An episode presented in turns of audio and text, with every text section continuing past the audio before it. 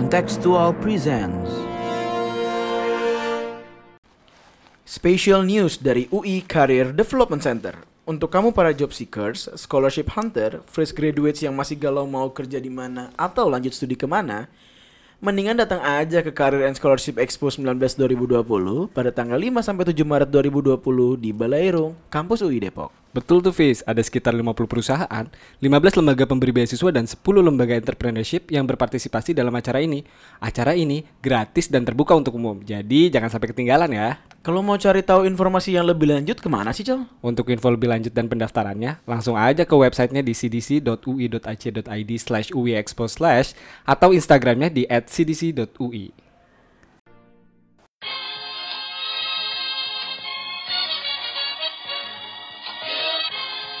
sondern wir schaffen uns unseren Staat. Mr. Gorbachev, open this gate. Together, we will make America great again. Sudah cukup bagi kita untuk mengatakan bahwa winter is coming.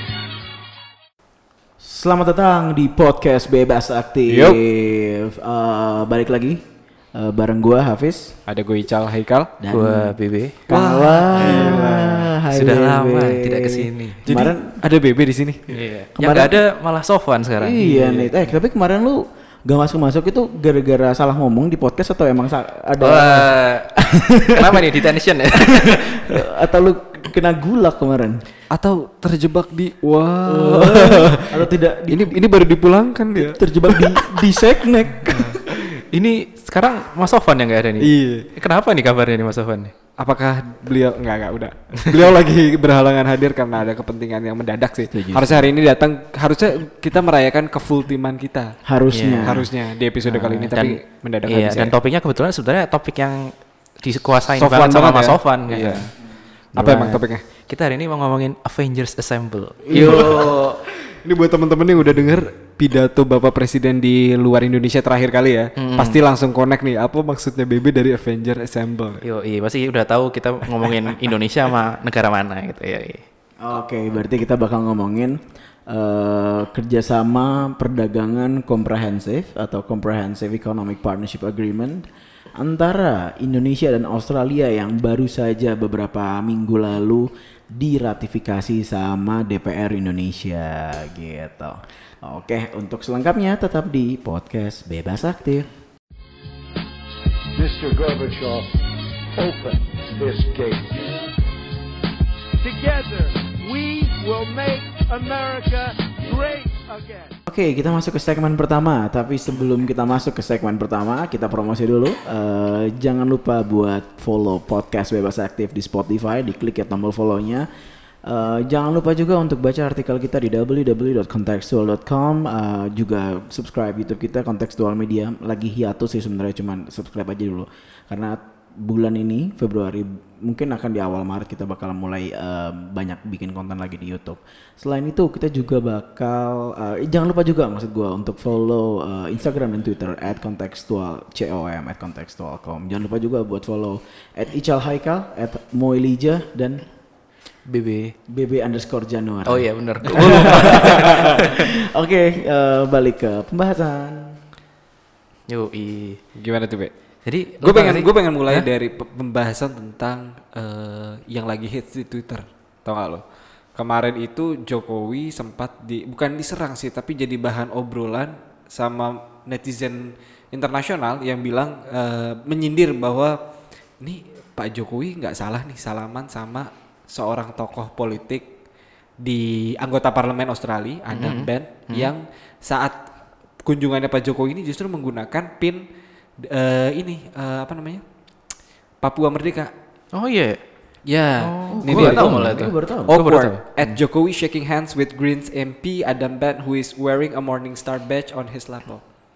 Ini gua nggak ngerti siapa yang salah. Eh, i- ini iya sama sih ini mungkin doorstop ya maksudnya eh, Pak Jokowi juga mungkin salaman ke banyak orang dan kebetulan Ah, ya iya, ada beberapa orang orang yang, yang- ya, ya, ya, jadi yang- tapi ini jadi bahan obrolan di kalangan dunia internasional karena tu- eh, Twitter yang ngupload ini kebetulan jurnalis yang cukup terkenal juga gitu. Jadi kayak seru banget sih Itu di media Aussie kan tapi ya. di Twitter sih. Aussie. Di Twitter. Ya, Aussie. di, Ah. di Australia. Iya di Australia. Ah, di soalnya kan kalau kita lihat uh, outlet-outlet media Indonesia yang akhir-akhir ini juga nggak terlalu muncul nggak sih? Di teman-teman kita di media alternatif sih ada yang muncul. Ah, Iya, yang iya, di iya, media iya. utama Iya, enggak ada. kan? Karena menurut gue memang di Indonesia eh, berita semacam lawatan kenegaraan ngomongin trade deals itu nggak laku banget bro. Hanya ada di kalangan elit, Bro. hanya ada di kalangan elit dan ya makanya ada kontekstual untuk mem- membumikan eh, dan ini dan ini sebenarnya penting karena kemarin harusnya sih sebenarnya eh, berita tentang lawatan presiden dan lain sebagainya ini di Hmm. di, di, di, dikabarkan dengan harusnya dengan Masif, cukup baik. Dengan karena masif. kemarin kita dengar ada pebisnis Indonesia udah di- diterbangkan ke Australia untuk membahas tentang Iya, comprehensive economic ini. Economic Partnership Agreement. CEPA CEPA. Dan ini harusnya jadi jadi berita yang jadi highlight berita yang utama karena dampaknya pasti luas kayak perekonomian Indonesia ya kan Iya iya. Jadi eh, mungkin kita mulai dari hard facts kali ya Be ya. Hard facts tentang eh, IACPA. Eh, fakta-fakta apa aja yang berubah, eh, bentuk perdagangan seperti apa yang berubah eh, sebagai hasil dari adanya eh, perjanjian IACPA yang diratifikasi ini. Mungkin gue bisa mulai dari konten kita di Twitter nih. Jadi kemarin eh, waktu IACPA baru diratifikasi eh, beberapa hari yang lalu, gue sempat bikin thread di kontekstual. gue yang provide datanya sih, cuman di post sama uh, admin kontekstual. Jadi uh, pertama poin utama dari IACPA ini adalah sama seperti CEPA pada umumnya berkurangnya tarif dong untuk aktivitas ekonomi lintas batas yang harusnya ada bea masuk, yang harusnya ada uh, tarif-tarif um, atau regulasi-regulasi yang memberatkan menjadi dihapuskan. Nah, secara umum, secara umum Indonesia itu barang yang keluar ke Australia, berarti barang ekspor Indonesia menuju Australia, barang impornya Australia dari Indonesia itu ak- bisa sampai 100% dihapuskan. gratis ya Jadi nggak ada lagi bea masuk untuk seluruh eh, barang-barang yang ada di dalam perjanjian IACPA yang masuk dalam Jadi impor kategori ya. IACPA. Eh, jadi impor kita ke Australia. Sebaliknya untuk barang-barang Australia yang masuk ke Indonesia yang ditulis di dalam IACPA ya. Eh, itu 90% ya, kalau nggak salah 96 persen. Oh, 96%. Jadi nggak nggak ada yang 100 persen benar-benar a- ada sih maksudnya tapi eh, kalau misalnya dirata-ratakan jadi 96 persen em, biaya masuknya dihapuskan. Nah, apa aja sih yang eh, penting dari poin utama IACPA ini? Pertama adalah Indonesia ini ini unik banget. Indonesia meminta Australia agar barang eh, agar kendaraan mobil listrik buatan Indonesia itu Bisa eh, masuk bisa pasarnya masuk pasar Australia dengan bebas bea. Mobil listrik dan hybrid ya. Hy- bukan bukan hybrid. Mobil listrik. mobil listrik. Literally listrik. Hybrid itu kan ada masih ada Ah, petrolnya, setengah-setengah. masih ada Ah, setengah-setengah. Kalau ini mobil listrik. Nah, padahal industri di Indonesia hybrid belum siap.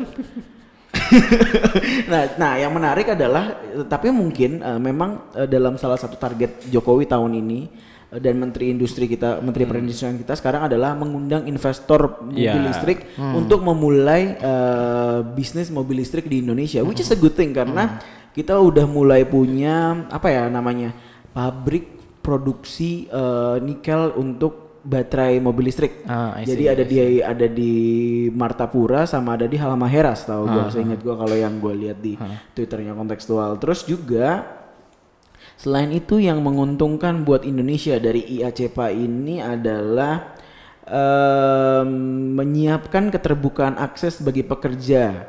Jadi kan sekarang kan udah mulai banyak nih pekerja-pekerja Indonesia yang kerja di luar negeri, terutama di Australia, Eh, yang dalam konteks eh, professional workers ya, Yeah. eh, White collar ya? white collars, uh, white collars worker. Tadinya uh, visanya cuma dikasih maksimal 1000 pekerja per tahun. Nah, selama lima tahun ke depan akan dibuka dari yang sebelumnya 1000 jadi 4100 di tahun pertama dan uh, akan bertambah menjadi 5000 pekerja di tahun ke-6. Um, itu untuk keuntungan uh, di sektor uh, uh, freedom of movement for the people gitu kan. Terus apalagi nih yang menguntungkan untuk Indonesia? Tapi benar nggak menguntungkan. Em, menurut Potentially. potentially ya buat gue sih menguntungkan. Kalau kalau gue di sini di posisi kita harus lebih kritis lagi ngelihat neraca pembayaran.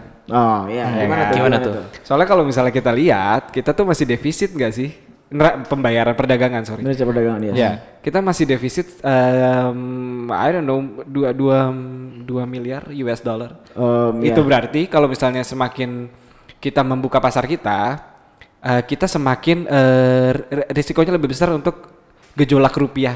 Hmm. Karena eh, terhadap apa yang terjadi di eksternal ya ini balik lagi pelajaran ekonomi dasar ya. Eh, tapi bentar ngomongin soal neraca perdagangan, sebenarnya yang penting adalah gimana produksi kita itu lebih besar untuk diimpor ke Australia. Ini Exactly. dalam konteks IACPA Yeah, kan. exactly. Karena dengan kita memproduk mengimpor mengekspor lebih besar ke Australia, neraca perdagangan kita bisa jadi surplus Nah. dengan hasil dari IACPA kalau kita bisa memanfaatkan. Makanya kan gue bilang di sini kita mungkin lebih harus mengkritisi karena Iya, iya, posisinya iya. di sini ada PR yang lebih besar buat Iya, kita iya, untuk iya, iya. eh, bisa memanfaatkan eh, ketimbang misalnya Australia yang memanfaatkan CP ya tinggal jalanin aja kita akan lebih untung gitu. Hmm. Tapi kalau kita untuk untung kita punya banyak PR yang harus banyak. PR dan gitu. dan itu tugas eh, sektor private kerja sama sama Iya. pemerintah banget Betul, sih. Bang. Ya, dan kabar baiknya sebenarnya eh, tadi dibilang Hafiz tentang industri otomotif eh, mobil listrik itu ya di Australia sana gue dengar eh, pasar otomotifnya lagi loyo.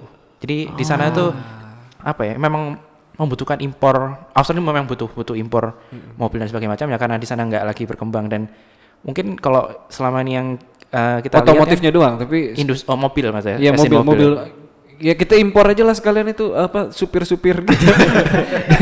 Atau eh, apa keluarga kita yang dari Medan itu. Astaga. eh tapi tapi benar karena kalau misal dalam konteks industri B Hmm. emang loyo karena di Australia udah nggak ada lagi pabrik mobil satupun. Betul, itu dia. Nah makanya mereka memang sekarang eh, karena mungkin ya pasti labor di negara Hmm. maju lebih mahal daripada Iya, labor iya, di negara iya, iya. berkembang dong. Pabriknya pindah ke Indonesia. Indonesia, ke Thailand, ke yang China. dengan harapan ketika diimpor balik ke Australia kan nggak akan memberatkan Australia memberatkan gitu kan. warga Australia. Nah Iya, itu iya, makanya iya. dia juga harusnya sih begitu ya. Nah, harusnya sih idealnya butuh. Terus ada apa lagi, Be? Yang ya, gue kembali lagi ke masalah otomotif ini. ya. Iya. Eh, kan selama ini sebenarnya kalau di Asia Tenggara dan sekitarnya tuh pemainnya tuh Indonesia, Thailand ya kan. Oh, Kalau otomotif ini dan itu sebenarnya dengan IACPA ini gue lihat sebenarnya Indonesia jadi punya apa ya? Punya framework yang lebih Jelas. jelas, gitu Iya, untuk iya. bisa bersaing dengan eh, Thailand. Kali ini kebetulan ada pasar di Australia yang bisa bisa dimaksimalkan gitu. Karena konsum terlepas dari industrinya yang loyo, Be, konsumsinya masih satu juta mobil per tahun. Nah, oke. Itu jadi salah satu angka gini, lu punya kemampuan untuk beli satu juta mobil per tahun. Instead lo uh, beli mobil petrol, lu beli mobil listrik karena harganya murah dari Indonesia, udah iya cepa, iya kan? Jadi tetap ada kemampuan sih menurut gua. Jadi gue bayanginnya tuh kan, biasanya kita tuh kalau ekspor tuh kan ekspor yang ini ya mobil-mobil, boleh nyebut merek nggak? ini? boleh, boleh, lah, boleh, boleh. Misalnya nih kan Avanza gitu kan. kita Barangkali kan kita ada nanti Oh di iya, betul. Avanza tolong ya. Iya. Toyota tolong. kan kayak kita apa ekspor eh, mobil-mobil Iya, iya, yang iya, iya. model-model Avanza. Nah sekarang Innova, ya. eh, mungkin udah, udah saatnya kita coba yang mobil listrik dan lain-lain. Iya, gitu. benar, benar, benar. Nah, cuma kembali tadi eh, kan memang lagi dalam tahap apa ya masih Penjajakan. ini, iya penjajakan gitu kan. Lu kalau lihat mobil listrik Jakarta juga baru berapa itu kan. Iya. Eh, apa tuh? eh, yang lagi dibikin platnya tuh ya, yang Eh, plat iya, mobil plat khusus mobil kan, mau dibikin biru terus Ah. bebas ganjil Bebas genap dan sebagainya macamnya. Mungkin dengan eh, kayak gini apa ada IA cepat, terus ada peluang di Australia berkembang juga yang di domestik gitu. Akselerasi Harusnya sih. industri mobil listrik Iya. di Indonesia. Harusnya sih berkembang juga. Dan kalau lu ngomongin soal industri mobil tuh ada satu industri aduh gue lupa nama industrinya. Gue pernah bikin papernya soal di di mata kuliah doang sih tapi eh, mereka memang salah satu concernnya adalah sekarang gimana cara ningkatin mobil listrik di Indonesia karena eh, pertama kita punya masalah polusi ya kan. Kedua kita sebenarnya punya kemampuan purchasing yang cukup untuk beli mobil listrik kalau diproduksi di Indonesia. Let's say kalau misalnya diproduksi di luar kan berarti kita harus bayar biaya Impor, yang- biaya-biaya masuk, biaya masuk segala itu macam 100% kan kalau mobil mewah. Karena hitungannya mobil mewah. Oh iya, berarti ada iya iya benar. Iya kan. Nah, dengan diproduksi Indonesia itu ter- terpotong habis dan harganya jadi cuma 200 jutaan, 300 jutaan which is eh, cukup kan buat orang Indonesia. Ini kalau ngomongin khusus industri mobil listrik ya di ini. Tapi kita jadi balik lagi ke IACPA ya. Nah, gue masih eh, ini ini ngomongin mobil listrik ya. Kalau misalnya di Jakarta terus ada mobil listrik terus kita banjir gitu. apa konslet gitu ya? iya iya dong, iya dong. Iya, iya sih. Eh, belum ada, gue belum pernah soalnya eh, soalnya yang gue lihat kalau misalnya blueprintnya mobil ini kenapa jadi mobil listrik tapi apa apa ya apa-apa. Kan trivial terkait, aja. terkait. kalau mobil listrik yang eh, menurut perkembangannya terakhir itu si Elon Musk bikin Hmm. mobil listrik itu listriknya mesinnya itu justru ada di center of the Car, iya. jadi kayak supaya dia nggak be- beratnya nggak bebannya nggak di depan nggak kayak mesin-mesin Iya, iya. eh, mobil petrol kan Hah. Nah kalau misalnya di bawah mobil, di center, di bawah mobil, itu kan pasti, Iya. kalaupun genangan aja, kalaupun jalan Jakarta menggenang aja, itu pasti kena Benar kan. Iya, apalagi underpass kemayoran ya kemarin ya sampai berapa meter tuh. Belum nanti eh, apa namanya kita pom bensinnya listrik. Nah, Ini battery PR, stationnya. PR, nih, PR buat industri mobil Iya. listrik di Indonesia nanti harus nyiapin mesin mobil yang anti banjir. Atau jalanannya yang anti banjir, Iyalah itu. Oke, balik lagi ke masalah hard facts nih, fakta-fakta eh, tentang IACPA. IACPA. Apalagi sih yang apa yang menguntungkan buat Australia? Nah ini salah satu eh, menurut gua eh, yang industri kita harus siap menahan gempuran, yaitu adalah sapi impor dan daging sapi impor. Oke. Lo bayangin, lo bayangin nih pas Idul Adha harga harga sapi Australia l- harganya sama kayak harga sapi Indonesia. Sapi Indonesia kan kurus-kurus ya gitu, ada tulangnya. Sapi Jawa gitu ya, Sapi, sapi Jawa, Jawa. yang warna coklat atau yang warna putih gitu kan. Terus tiba-tiba jeger landing dari Australia sapi warna hitam putih gemuk harganya cuma beda 5 juta. Yang tadinya lo harus impor harga ada ada biaya 12% pajaknya. Terus nanti di kampung jadi ini kan bahan obrolan gitu. Iya, Kan. Gue oh dapet iya. daging sapi Australia gitu. Iya, Wah, iya kan. Halal nggak tapi ya? oh maaf, lupa lupa, saya minoritas lupa. Halal karena sapinya udah disunat. Wah. Iya. tapi eh, ini ya fakta menarik ya. Iya, emang iya. kalau eh, dari dulu sebenarnya kan sebelum ada IACPA ini emang Betul. eh, sapi-sapi dari Australia ini favorit datang ke Indonesia Betul, gitu dan betul. Itu mereka aja udah favorit. Dan Ah, nggak ah. cuman eh, sapi, produk dairy, Dairy, produk ya. sapi itu Iya. murah-murah banget kan Ah. masuk ke Indonesia. Nah, dan karena begitu pentingnya pasar Indonesia eh pasar iya pasar Iya, Indonesia pasar buat Indonesia. Australia memang dari dulu eh, mereka menggunakan cara-cara yang eh, gimana ceritanya tetap halal gitu. Iya, iya. Ya, dan itu memang khusus karena saking pentingnya pasar Indonesia, Indonesia, gitu. iya. Jadi apalagi dengan dengan Iya. yang tadi dengan udah ada ha- IACPA nah, ya apakah industri kita siap nah itu kan jadi pertanyaannya karena jelas sapi impor itu salah satu komoditas terbesarnya Australia buat ke Indonesia ya Eh, impor sapi dan impor daging sapi dan eh, produk dairy itu tiga komoditas utama impor mereka ke Indonesia sama kayak misalnya Norwegia eh, IACPA-nya Norwegia em, kita tuh belum selesai juga tuh ngomongin salmon mereka pengen Oke. banget eh, salmon masuk ke Indonesia. Ntar salmon harganya sama sama lele, wah. Makan salmon gue. ntar ada ntar ada pecel salmon. wow, keren, keren, keren, keren. Oke oke. eh, nah eh, itu dulu kali ya hard facts. Tapi mungkin eh, poin besarnya dan eh, garis benang merahnya dari IACPA ini adalah dalam eh, mekanisme free trade eh, yang penting untuk kita ingat adalah eh, apa yang David Ricardo bilang. David Ricardo kan benar kan? Eh, Yang temannya Adam Smith. Temen, murid dong, Bapak. murid ya. ya. Murid terpisah agak jauh lagi. Iya, yang ngomongin soal comparative advantage, Iya. bahwa negara eh, punya harus punya advantage yang kom, eh, komparat, eh, punya kem- punya keung- keunggulan komparatif untuk menghadapi free trade eh, ekonomi yang memang eh, menjadi pijakan saat ini. Itu ratusan tahun lalu dia ngomong kayak gitu kan. Dan menurut gue make sense karena kalau kita nggak punya industri yang kuat untuk menghadapi free trade deals ya akhirnya Indonesia cuma jadi market cuma jadi negara dengan ekonomi terbesar tapi bukan dengan kemampuan ekonomi ter, eh, kemampuan ekonomi terbesar cuma menjadi jumlahnya aja. Ada 200 juta orang ada 260 juta orang yang bisa jadi market. Tapi berapa produksi Indonesia yang akhirnya bisa eh, eh, unggul di tingkat dunia dan em, menurut gue ya udah saatnya kita memperbaiki uh, industri daging sapi kita biar lebih strong udah saatnya kita memperbaiki uh, industri otomotif kita juga untuk menghadapi uh, menghadapi ya cepa ini dan khususnya IA ya Indonesia Australia dan cepa-cepa lainnya sih Ralat sedikit, ini menutup segmen ini aja kali ya. Ralat sedikit tadi hard facts-nya bahwa sebenarnya produk olahan daging itu justru peringkatnya paling rendah. Oh iya? 0,29% dari eh, semua total. Oh, produk olahan daging ya? Iya, nah hewan hidup sendiri itu 0,50. Enggak bukan 0, ini ini bukannya bukan persen, apa ya bacanya? Grafik lah pokoknya. Nah, hewan hidup itu sapi dan lain sebagainya itu urutan keempat. Pertama apa? Pertama itu bahan bak- bahan bakar mineral.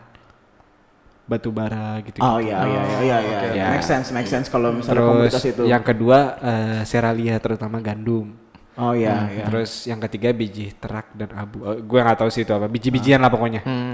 Ya. Koko crunch lah ya. tapi eh, tapi tapi, oh iya, tapi juga ada satu ada satu fakta penting mungkin sebelum kita juga nutup segmen ini adalah bahwa terlepas dari signifikannya berapa 5 miliar US dollar eh, kalau misalnya kita bisa untung sampai 5 miliar US dollar trade deals ini Australia itu cuman di bawah 5% dari total em, em, interaksi ekonomi Indonesia di seluruh dunia. Iya, iya. Jadi memang ya ada ratusan negara lain kan dan ada mungkin negara-negara yang lebih penting kayak Australia, ah, kayak Amerika Serikat, kayak Cina yang uh, mengkonstitusikan angka lebih besar. Tapi poinnya adalah di seberang sana lo tuh punya ratusan juta orang, di seberang sini kita punya 260 juta orang juga. Gimana caranya dua entitas ratusan juta ini bisa kerjasama ditingkatkan angkanya jadi lebih besar dan menurut gua kenapa kenapa cuman angkanya masih seminim itu produk dairy-nya karena masih ada hambatan tarif ya let's say lu punya duit batu bara ya lu bisa buat bayar tarifnya kan tapi kalau misalnya lo ngomongin soal dairy em, yang sehari-hari ya lu pasti industrinya levelnya mid paling paling tidak Ya, tapi mungkin logikanya lebih ke kita lebih sering bakar sesuatu daripada minum keju, eh makan Iya, keju iya, ya kayak iya, gitu-gitu iya, kan. iya. Kita nggak punya tradi, bukan nggak punya, tapi kita punya tradisi makan keju yang sedikit gitu. ya karena masih ada tarif Nanti kan budaya bisa dibentuk. budaya, bisa, budaya bisa dibentuk kalau harganya murah Ketimuran. Wah. Iya. ketimuran makan apa makan keju cuy Eh, Australia di mana? Di selatan timur, di agak selatan. timur. Tetap di podcast bebas aktif. Mr. Gorbachev, open this gate. Together, we will make America great again. Balik lagi ke segmen kedua sekarang ya eh, di podcast bebas aktif. Nah, di tadi kan segmen pertama kita ngomongin soal hard facts, debatin soal apakah trade deals matters buat Indonesia dengan Australia dan segala macam. Nah, di segmen kedua nih kita bakal ngomongin apa sih? kita bakal lebih luas lagi, kita bakal agak nyinggung dikit tentang politik domestiknya Aus- Australia, terus kita juga mungkin akan refer back lagi ke IACEPA dan hubungan 70 70 tahun, tahun, kita ya. Iya. Kita 70 Jadi tahun Australia kita sama. Indonesia ini udah 70 tahun punya hubungan diplomatik. Walaupun kita lihat tadi nanti di beberapa momen bersejarah kita sempat memanas nih kan. sama Kan Australia. namanya aja juga tetangga. Iya, kalau udah gosip-gosip dikit ya kan. Kalau lebaran datang salaman. Iya, tapi kalau abis itu nyinyir. Kok gua, kok gua gak dikasih rendang? kan sapunya belum diimpor. ya.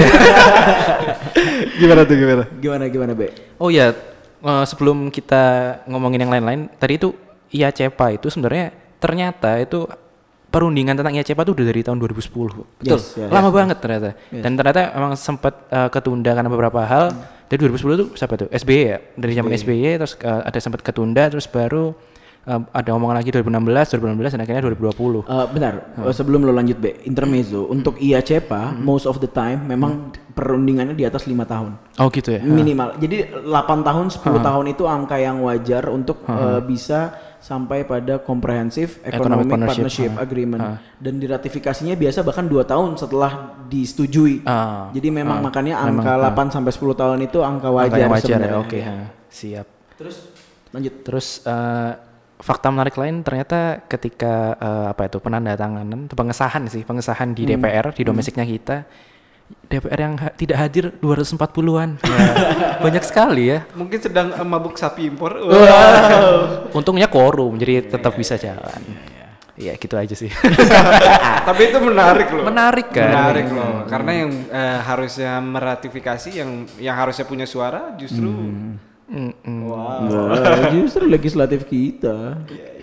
Oke, em, sekarang kita masuk apa dulu, Be? Mungkin kita nyinggung-nyinggung ini ya Australinya Australia secara secara general ya. Oke, eh, mungkin gue bisa ceritain kondisi domestic politicsnya Australia sekarang ya. Jadi em, ya selayaknya berbagai negara di seluruh dunia, em, ma- majority of the majority of the country sih sebenarnya.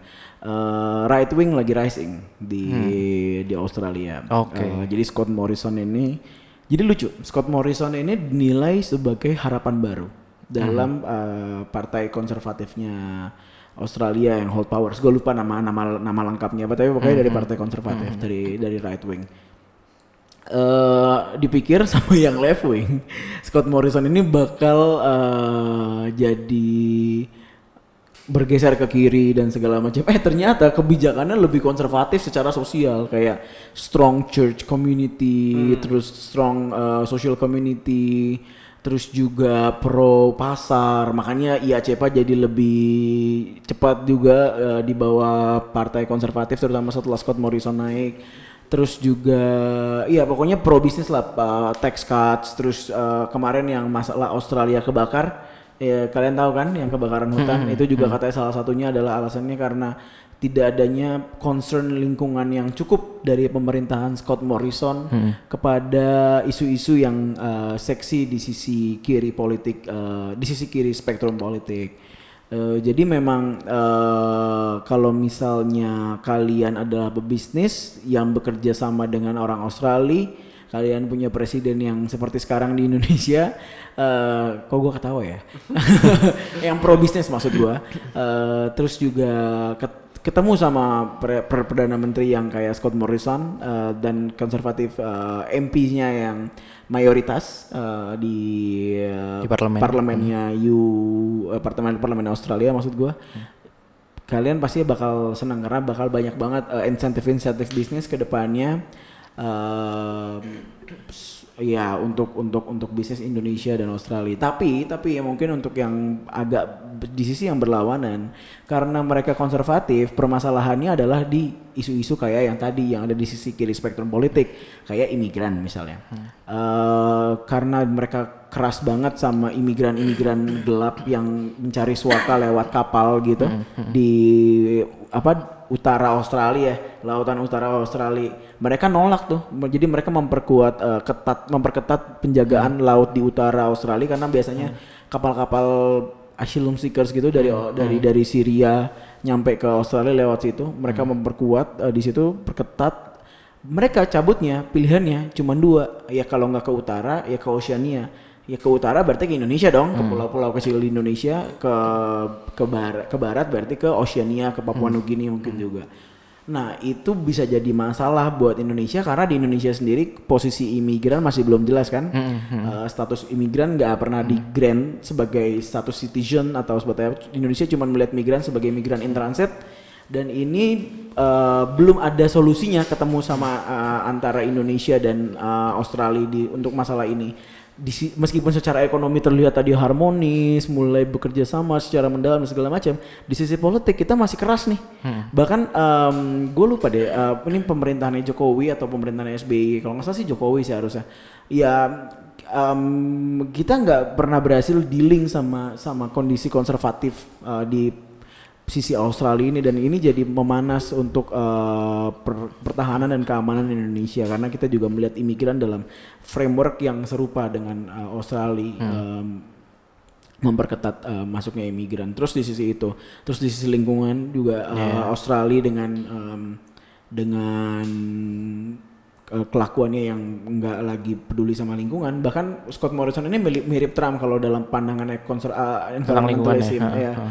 Nggak separah Trump sih, cuman uh, cukup skeptis terhadap itu. Terus di sisi yang paling strong ya uh, soal Papua Barat.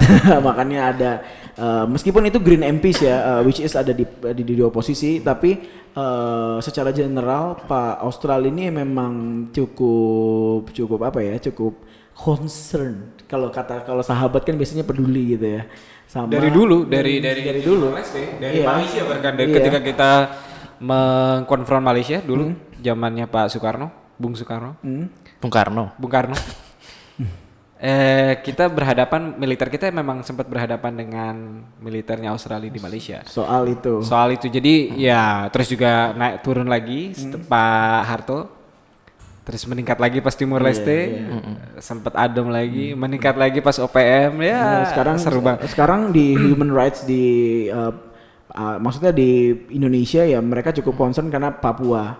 Dan gua nggak ngerti kenapa fetishnya Australia itu selalu Karena Oceania kan? karena karena Australia punya aborigin. Iya. Nah, jadi mereka punya kesamaan Melanesia, semangat Melanesia no, no, no. Tapi, eh, selain itu karena ini kan karena ya memang secara kawasan mereka berkepentingan juga sama Iya. negara-negara ini eh, Pasifik. Oh iya, Ya kan? iya, Yang iya. Samoa, iya ya kan? Iya, Samoa iya, gitu-gitu kan, Samoa, yang iya. kayak gitu-gitu. Jadi mereka harus harus harus mendapatkan hati dari uh, kelompok-kelompok Melanesians. Even for the konservatifnya juga masih kayak uh, masih harus. Tapi satu hal dari eh, apa ya?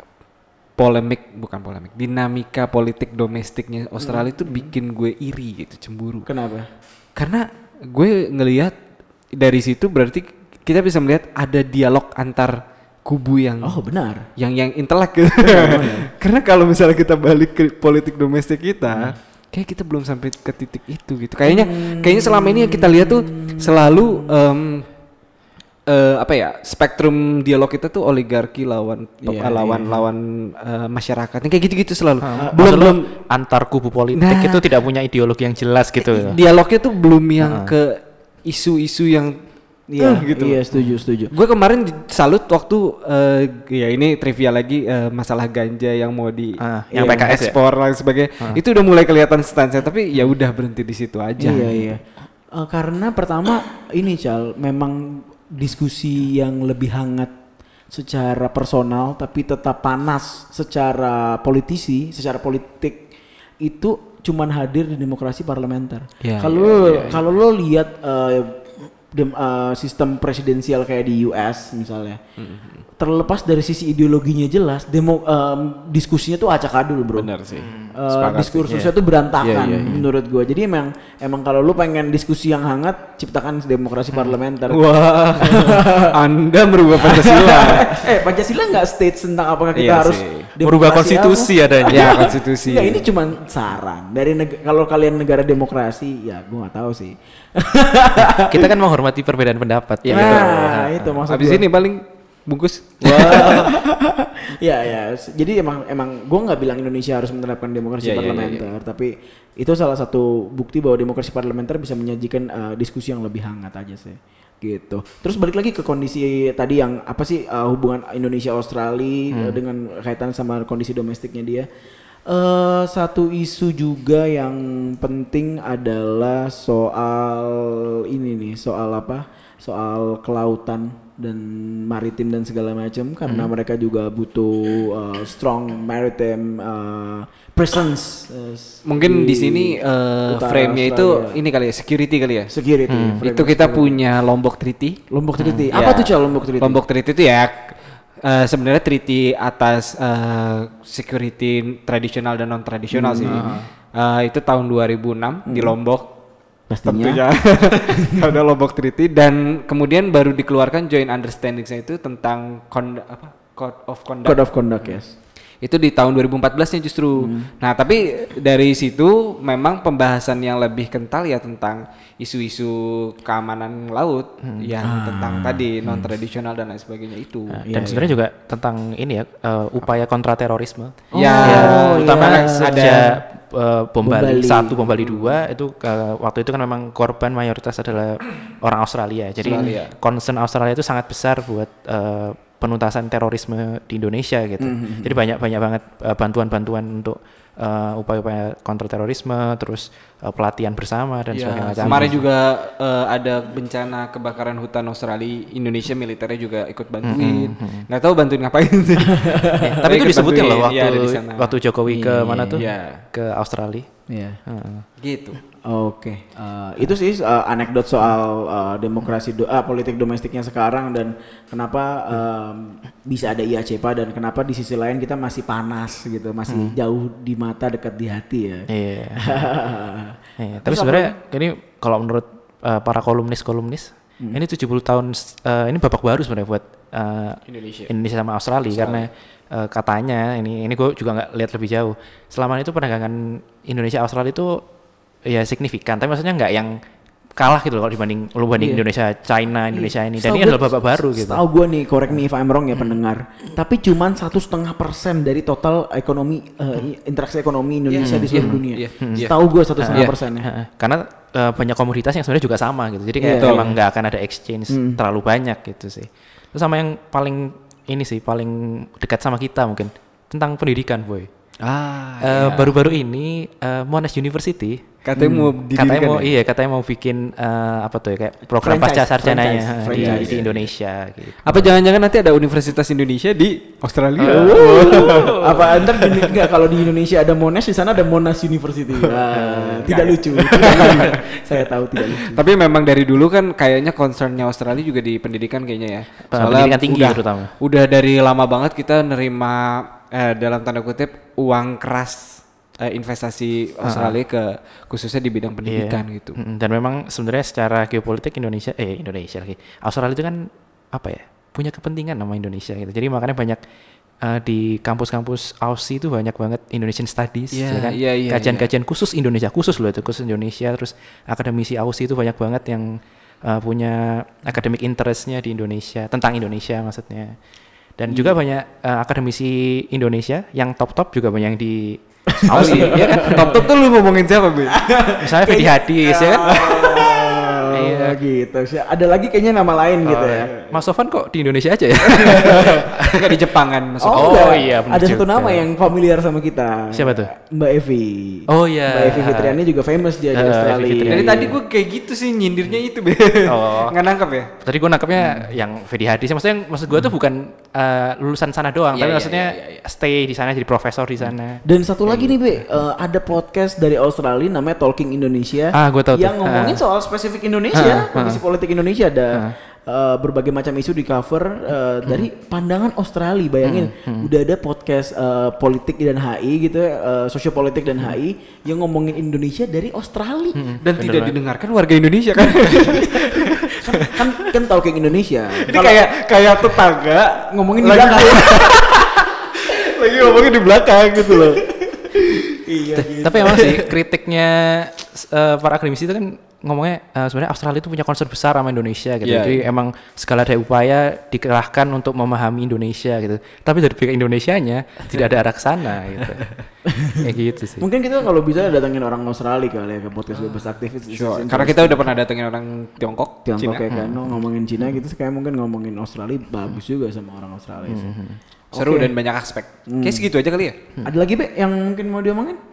Udah? Jadi pengen ke Australia. Wah. Gua mau nanya terakhir, um, your positions on Cepa dan uh, tadi mungkin udah sempat expli- im- implicitly diomongin nih, cuman gue pengen tahu uh, for for you for BB nih, uh, menurut lo Indonesia paling bagus memanfaatkan apa dari Cepa biar thriving dalam in, dalam uh, perdagangan ini, dalam perjanjian perdagangan ini, Waduh. Atau mungkin Ical? Sebagai oh siapa nih? Ya bebas bebas kalau Gue sebenarnya eh, yang gue garis bawahin di sini banyak-banyaknya tentang otomotif itu sih.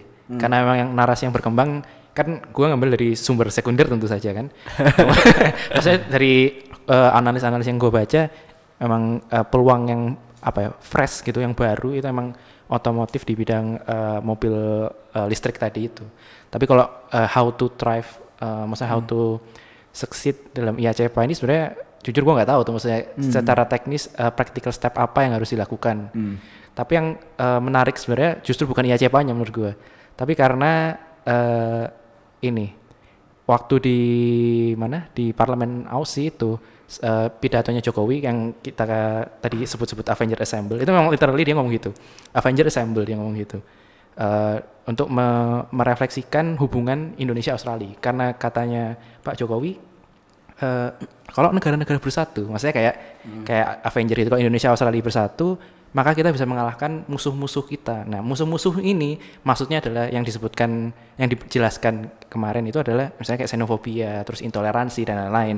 Nah, sekarang mari kita merefleksikan ke ranah domestik. ini kan gue soalnya punya kepentingan. nah, intoleransi ini bagaimana? Ini kayak gini-gini kayak gitu sih yang, yang gue Kan lagi mau dibikin itu loh. Nah, Jembat- maksud, maksud gua kayak gitu. Masalahnya ini Silaturahmi. yang itu loh, Oh, yang katedral sama Oh iya, Istiqlal kan mau dibikin terowongan. Ini. BB peduli banget sama isu ini. Soalnya gue berkepentingan, Pak. iya, jadi ini Kenapa, Be? Kenapa, Be? kan gini, jadi menurut gue itu terlalu simbolik ya. Eh, ya nggak apa-apa kalau mau bikin itu, tapi itu langkah kesekian gitu harusnya, ya nggak sih? Gua pikir- gitu. Ini nggak ada hubungan sama Australia sih. Gue pikir ada hubungannya sama hubungan personal lo juga. Oh, enggak. enggak ya. Enggak. Eh, buat Ical. Eh, sebenarnya nggak masalah sih ada cepa-cepa ini, tapi gue di posisi yang agak mengkritisi. Karena ya tadi gue lebih ke kalau kita masih butuh banyak PR yang dikerjakan ya kenapa harus dilakukan gitu sebenarnya gitu sih. Tapi yang eh, balik lagi nanti bakal ada yang bilang ya orang gak ada salahnya. Kita kan sa- namanya memperkuat hubungan dan lain sebagainya. Tapi gue lebih sebenarnya lebih prefer kayak ke kenapa nggak kita deketin eh, misalnya selama ini Australia kan selalu jadi ujung tombak Eh, misalnya negara-negara kepulauan Pasifik, kenapa nggak kita deketin aja mereka? Iya, iya. Ya, maksud gue yang kayak eh, kenapa kita mendekati eh, Negara besar. entitas yang sebenarnya Strong. ya lebih kuat dari kita, kenapa nggak kita coba bangun yang eh, justru bisa menguntungkan buat kita karena kita punya leverage di situ gitu sih sebenarnya. Ini gue sekarang jamnya serius nih. Oke. Kalau menurut gue sebenarnya eh, tentang IACPA ini ini mungkin bisa jadi salah satu opsi gitu ya, opsi untuk apa ya diversifikasi lah. Soalnya kita selama ini eh, fokusnya kan eh, Cina terutamanya Cina, eh, terus negara-negara Asia Timur, eh, somehow juga eh, apa namanya Amerika Serikat dan lain-lain. Tapi kita eh, kurang diversifikasi. Kalau misalnya sekarang nih eh, kayak ada misalnya coronavirus nih. Ya, kalau ada yang disalahin gitu, masa Cina mulu Cina lagi. Gitu. Oh, biar bisa, biar bisa nyalain Australia. Nggak misalnya kayak eh, sekarang eh, apa namanya global economic slowdown dan terus eh, apa ya banyak misalnya kayak turisme sekarang angka turisme kita eh, menurun dan sebagainya macamnya. Yang menurut para analis kan dibilang ini efek dari coronavirus itu walaupun sebenarnya kalau misalnya ngomongin coronavirus gue lebih setuju ngomongin tentang health-nya daripada tentang efek ekonominya gitu. walaupun sebenarnya juga benar aja gitu. Tapi di sini yang bisa kita lihat adalah eh, ini ini kesempatan juga buat diversifikasi gitu. Jadi kita nggak melulu apa ya mainnya di Asia Timur tapi kita juga lihat to the south gitu. Apalagi iya, setuju. kita juga punya kepentingan di Indo-Pasifik sebenarnya. Iya, Australia ini sangat mendukung Indo-Pasifik sih akhir-akhir ini memang Karena getol mereka- juga dia karena mereka juga kepentingannya Di ke situ, kan. iya. dan gue lihat ini sebenarnya ya, ya boleh lah tapi kita lihat kita juga lihat ke depannya gimana Setuju. Kalau gua merefleksikan ini adalah em, ini tulisan gua pas podcast ini naik udah ada di tulisan eh, udah ada di website kita sih. Eh, gua lagi nulis artikel bahasa Inggris buat kontekstual. eh, judulnya The Inevitable Free Trading Country of Indonesia.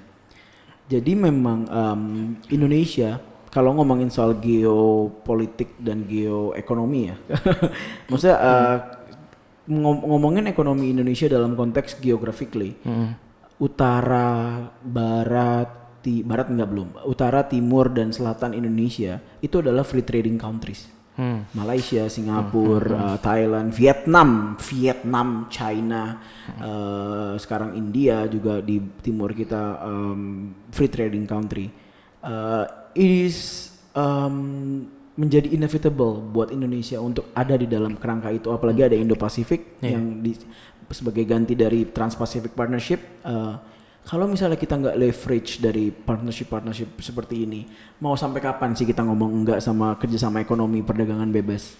Karena ya itu adalah realitas dari eh, negara-negara di sekitar kita um, Singapura thriving, Malaysia thriving ya karena mereka mau mereka punya network yang lebih kuat ke barat. Uh, let's say dengan Commonwealth, let's say dengan uh, uh, tax cuts dan tax haven bahkan di Singapura. Um, ya Indonesia mungkin nggak nggak usah lah saya ekstrem itu, tapi menjadi negara free trading dulu adalah langkah yang tepat. Apalagi kita punya udah punya kemampuan untuk memproduksi barang hulu sampai hilir mungkin hilirnya belum bagus-bagus banget ya tapi kita punya kemampuan untuk ke sana. Kita udah punya banyak middle class kita udah punya banyak eh, orang-orang yang jago di bidang eh, IT bidang eh, industri. Terlepas dari kita sebagai negara agrikultur ya kita juga harus punya kemampuan industri yang sama baiknya. Jadi memang eh, balik lagi Indonesia is an inevitable free trading country. Um, sooner or later siapa pun presidennya mau dia otoritarian atau dia mau demokrasi atau mau gimana pun dia ngomongnya eh, soal soal soal kondisi politik domestik kondisi keamanan domestik secara ekonomi kalau dia tidak mengusung free trade uh, we will be slowing down. Dan makanya lo tadi ngomongin soal economic slowdown and it's true. Um, free trade bakal jadi uh, insentif ekonomi di tengah global economic slowdown. Dan Australia bisa jadi satu market yang tepat buat kita um, menjadi negara perdagangan bebas. Dan yang perlu diingat adalah Australia ini salah satu tetangga yang secara geografis terdekat sama kita. Jadi Iya, kayak iya. sebenarnya hubungan antar neighbors ini inevitable gitu. Inevitable. Nah, jadi kayak mau nggak mau emang suatu saat akan ada Ya sekalian aja gitu ya bikin untung. Iya, sekalian gitu, aja. Karena iya. atas bawah kanan kirinya udah free trading. Iya gitu sih. Dan Gitu sebenarnya ada satu hal lagi yang kita Iya. mungkin belum bahas.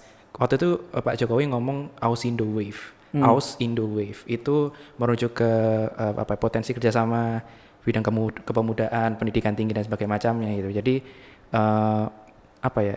Ini sesuatu yang masih sifatnya lebih ke diskursus ya, baru diskursus. Eh, kita belum melihat nanti Hmm. realnya gimana, tapi se- sepertinya akan apa ya jadi lebih rekat daripada sebelum-sebelumnya karena Iya, iya.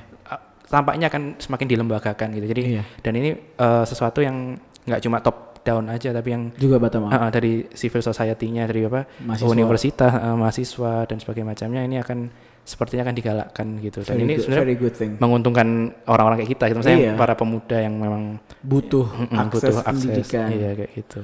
Agree. Oke, let's close it here Sip. now. Jangan lupa. Eh, jangan lupa sponsor. buat follow podcast kita, podcast bebas aktif di Spotify. Diklik tombol Spotify-nya ini sekarang, eh, follow-nya.